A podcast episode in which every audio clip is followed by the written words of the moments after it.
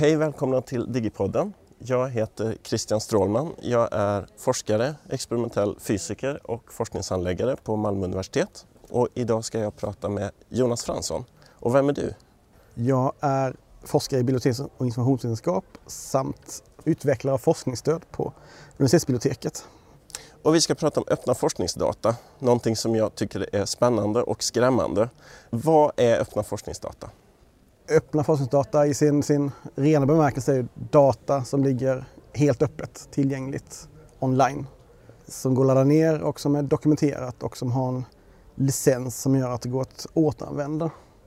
Vi har ju pratat en del om det här på, på sista tiden, både liksom här på Malmö universitet och, och nationellt. Och jag som då både jobbar som forskningshandläggare eh, och som faktiskt är forskare och experimentell fysiker tycker att detta är jobbigt. Alltså, jag tycker att det här är skrämmande på olika sätt och vet inte hur jag ska hantera detta.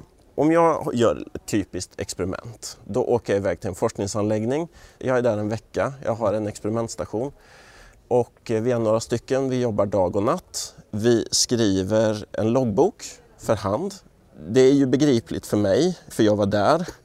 Och eh, det är liksom de olika datafilerna som vi har tagit, det är en massa sidokommentarer och det är en massa saker som går fel.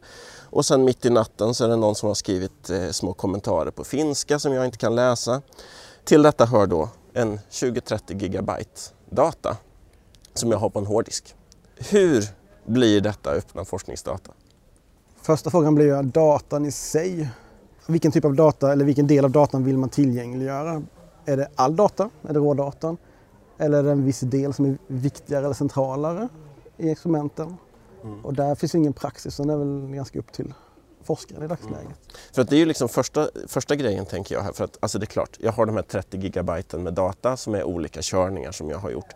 Och majoritet av det är ju skit. Det finns ju inget liksom, in, vettigt innehåll i det för att det har blivit något fel på maskinen eller vi har fått avbryta i förväg eller sådär. Och det står ju naturligtvis i loggboken så att jag kan begripa det. Men det begriper ju ingen annan om man bara lägger upp det, att det här är dåligt. Så, så att det är liksom det första jag skulle göra, kasta allting som är obegripligt. Vad har du kvar då? 10 procent tror du? Ja, men jag kanske. Kanske 10 procent. När jag använde de här data till min avhandling så var det kanske Jo, men en 5-10 procent som faktiskt användes i de slutliga publikationerna.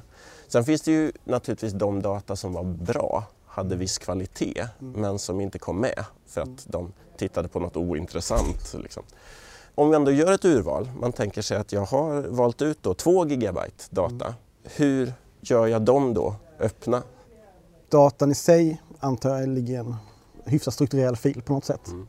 Ja. Så dels måste ju datan dokumenteras beskrivas utifrån mm. dokumentationen i mm. er handbok, ladd, vad kallar det? Lab, loggbok. Loggbok, ja precis. Loggbok, ja. Där finns det mycket att ta på, att liksom beskriva förutsättningarna och så vidare. Och mm. Det tekniska antar jag, vilken maskin används, mm. eller instrument. Ja. Att det gör det hela begripligare för dina kollegor inom ämnet. Mm. Och när väl det är gjort så har du ett paket som är begripligt för någon som, åtminstone någon annan experimentell fysiker. Då kommer nästa steg att hitta en tjänst att tillgängliggöra det i. Att ladda upp data, dokumentation och beskriva det i någon slags post med metadata. Jag särskiljer på dokumentation och metadata. Att metadata är mer posten som blir sökbar medan dokumentationen är mer den djupa mm. förståelsen eller där man kan bedöma om det är användbart för mig.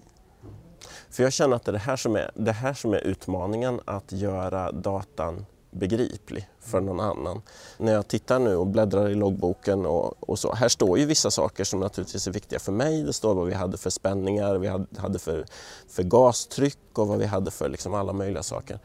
Men det finns ju också en massa förförståelse som jag har hur instrumentet såg ut, vilken geometri det har, därför att det är jag som har byggt instrumentet.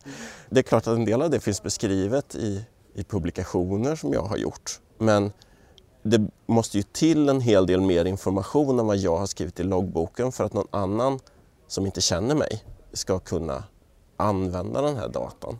Behöver jag då dokumentera det, göra det tillgängligt också tillsammans med den här datan? Ja, på något sätt. Publikationer kan du kanske länka till eller mm. referenser till.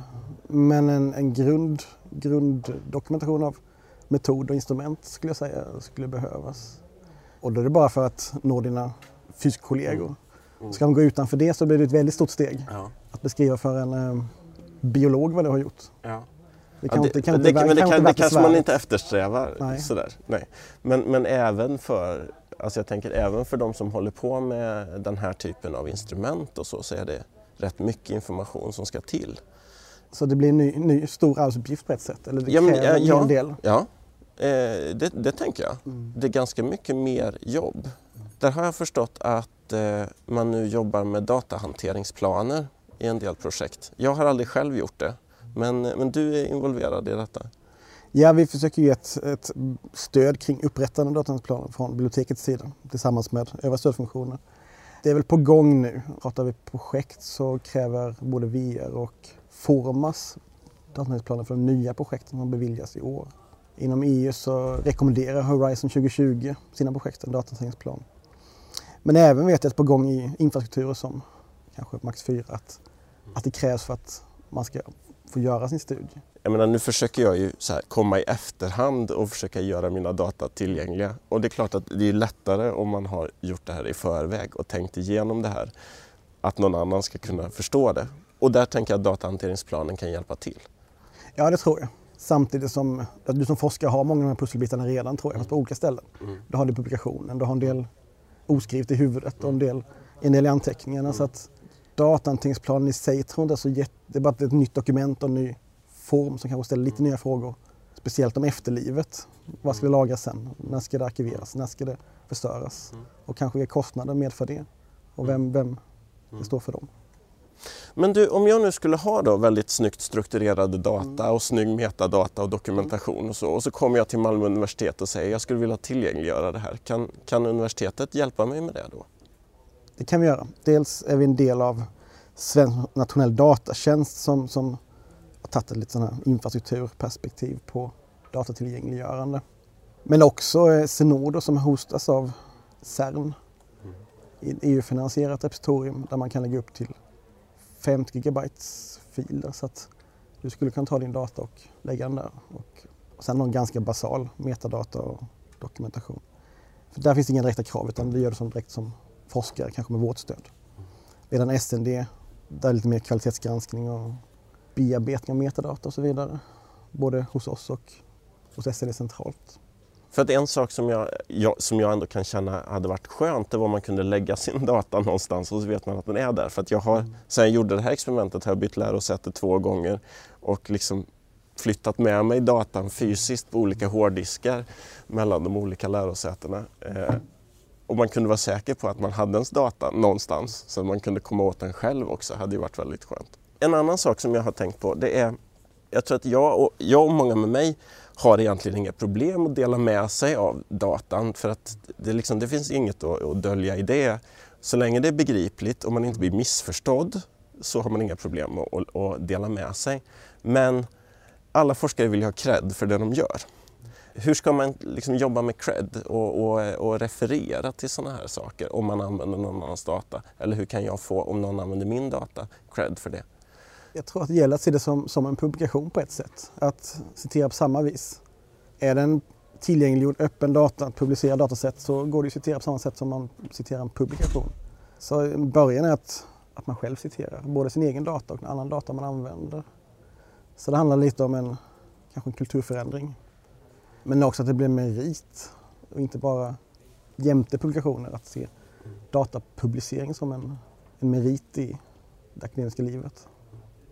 Alltså jag, jag vet ju att, att eh, de, mina kollegor som jobbar på liksom, stora forskningsanläggningar ute i världen där man är jättemånga som samarbetar och så, så det, det, finns det ju också en etablerad kultur kring hur man använder data, hur man liksom, eh, refererar till den. Men det finns inte överallt så jag tror att det behöver liksom mer också komma in i tanken hur man, hur man liksom jobbar med den här typen av data.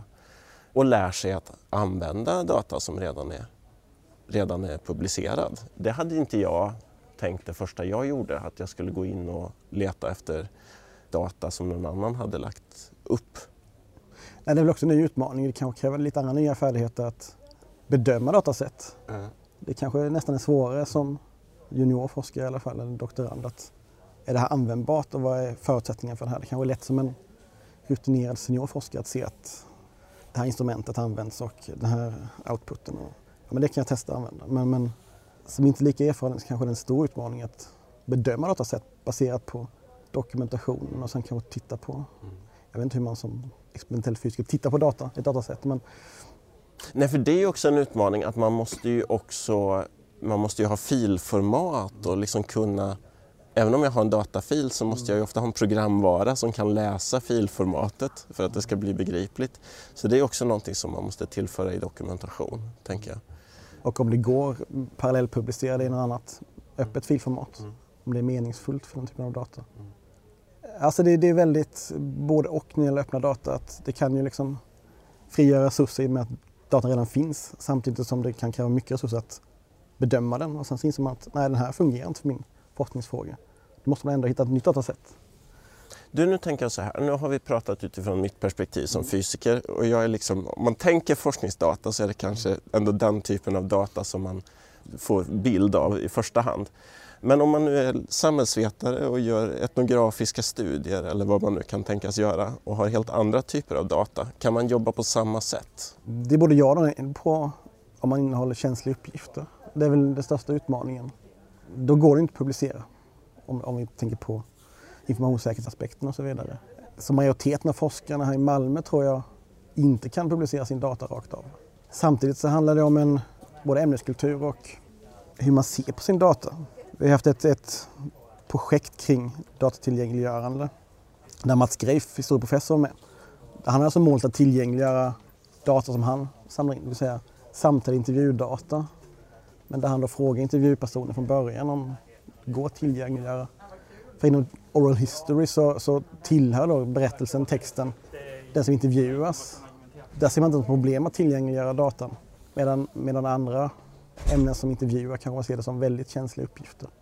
Så det handlar om forskningsfrågan och det handlar om hur man vill jobba med sin data och givetvis så kan det bli begränsningar om man vill tillgängliggöra datan i, kanske man inte kan tillgängliggöra all data. Även en intervjutranskription som, där vissa uppgifter är borttagna kan vara värdefulla för andra forskningsfrågor. Men eh, även där krävs det ett, ett arbete av forskare. Ja, en förberedelse. Man, det krävs ju en förberedelse för att göra detta. Och, och där måste man ju då vara, vara klar med hur man tänker använda data redan när man börjar. Om man vill lära sig göra detta då och förbereda, eh, hur, eh, vad kan man göra? Steg ett är väl nog att bli förtrogen med lagstiftningen som finns, GDPR och så vidare, som verkligen ser vilka man måste förhålla sig till. Hur man kan anpassa sina ämnestraditioner eller sina praktiker till det. Sen tror jag att öppen vetenskap som helhet, som då någonstans politiskt sett trycks, trycks fram, kommer påverka de flesta forskningsämnen på olika sätt. Om man på sikt behöver tillgängliga data eller i alla fall förklara varför man inte gör det. Det kommer liksom sätta igång nya nya frågor och nya diskussioner.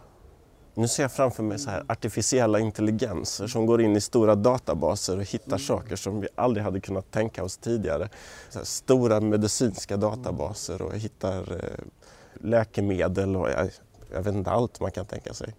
Ja, men den visionen finns ju också någonstans. Att, att analysen ska maskinell väg som ska hitta nya, nya samband och nya saker. Mm. Tack så mycket Jonas för att du var med i det här samtalet. Tack för att du kom hit.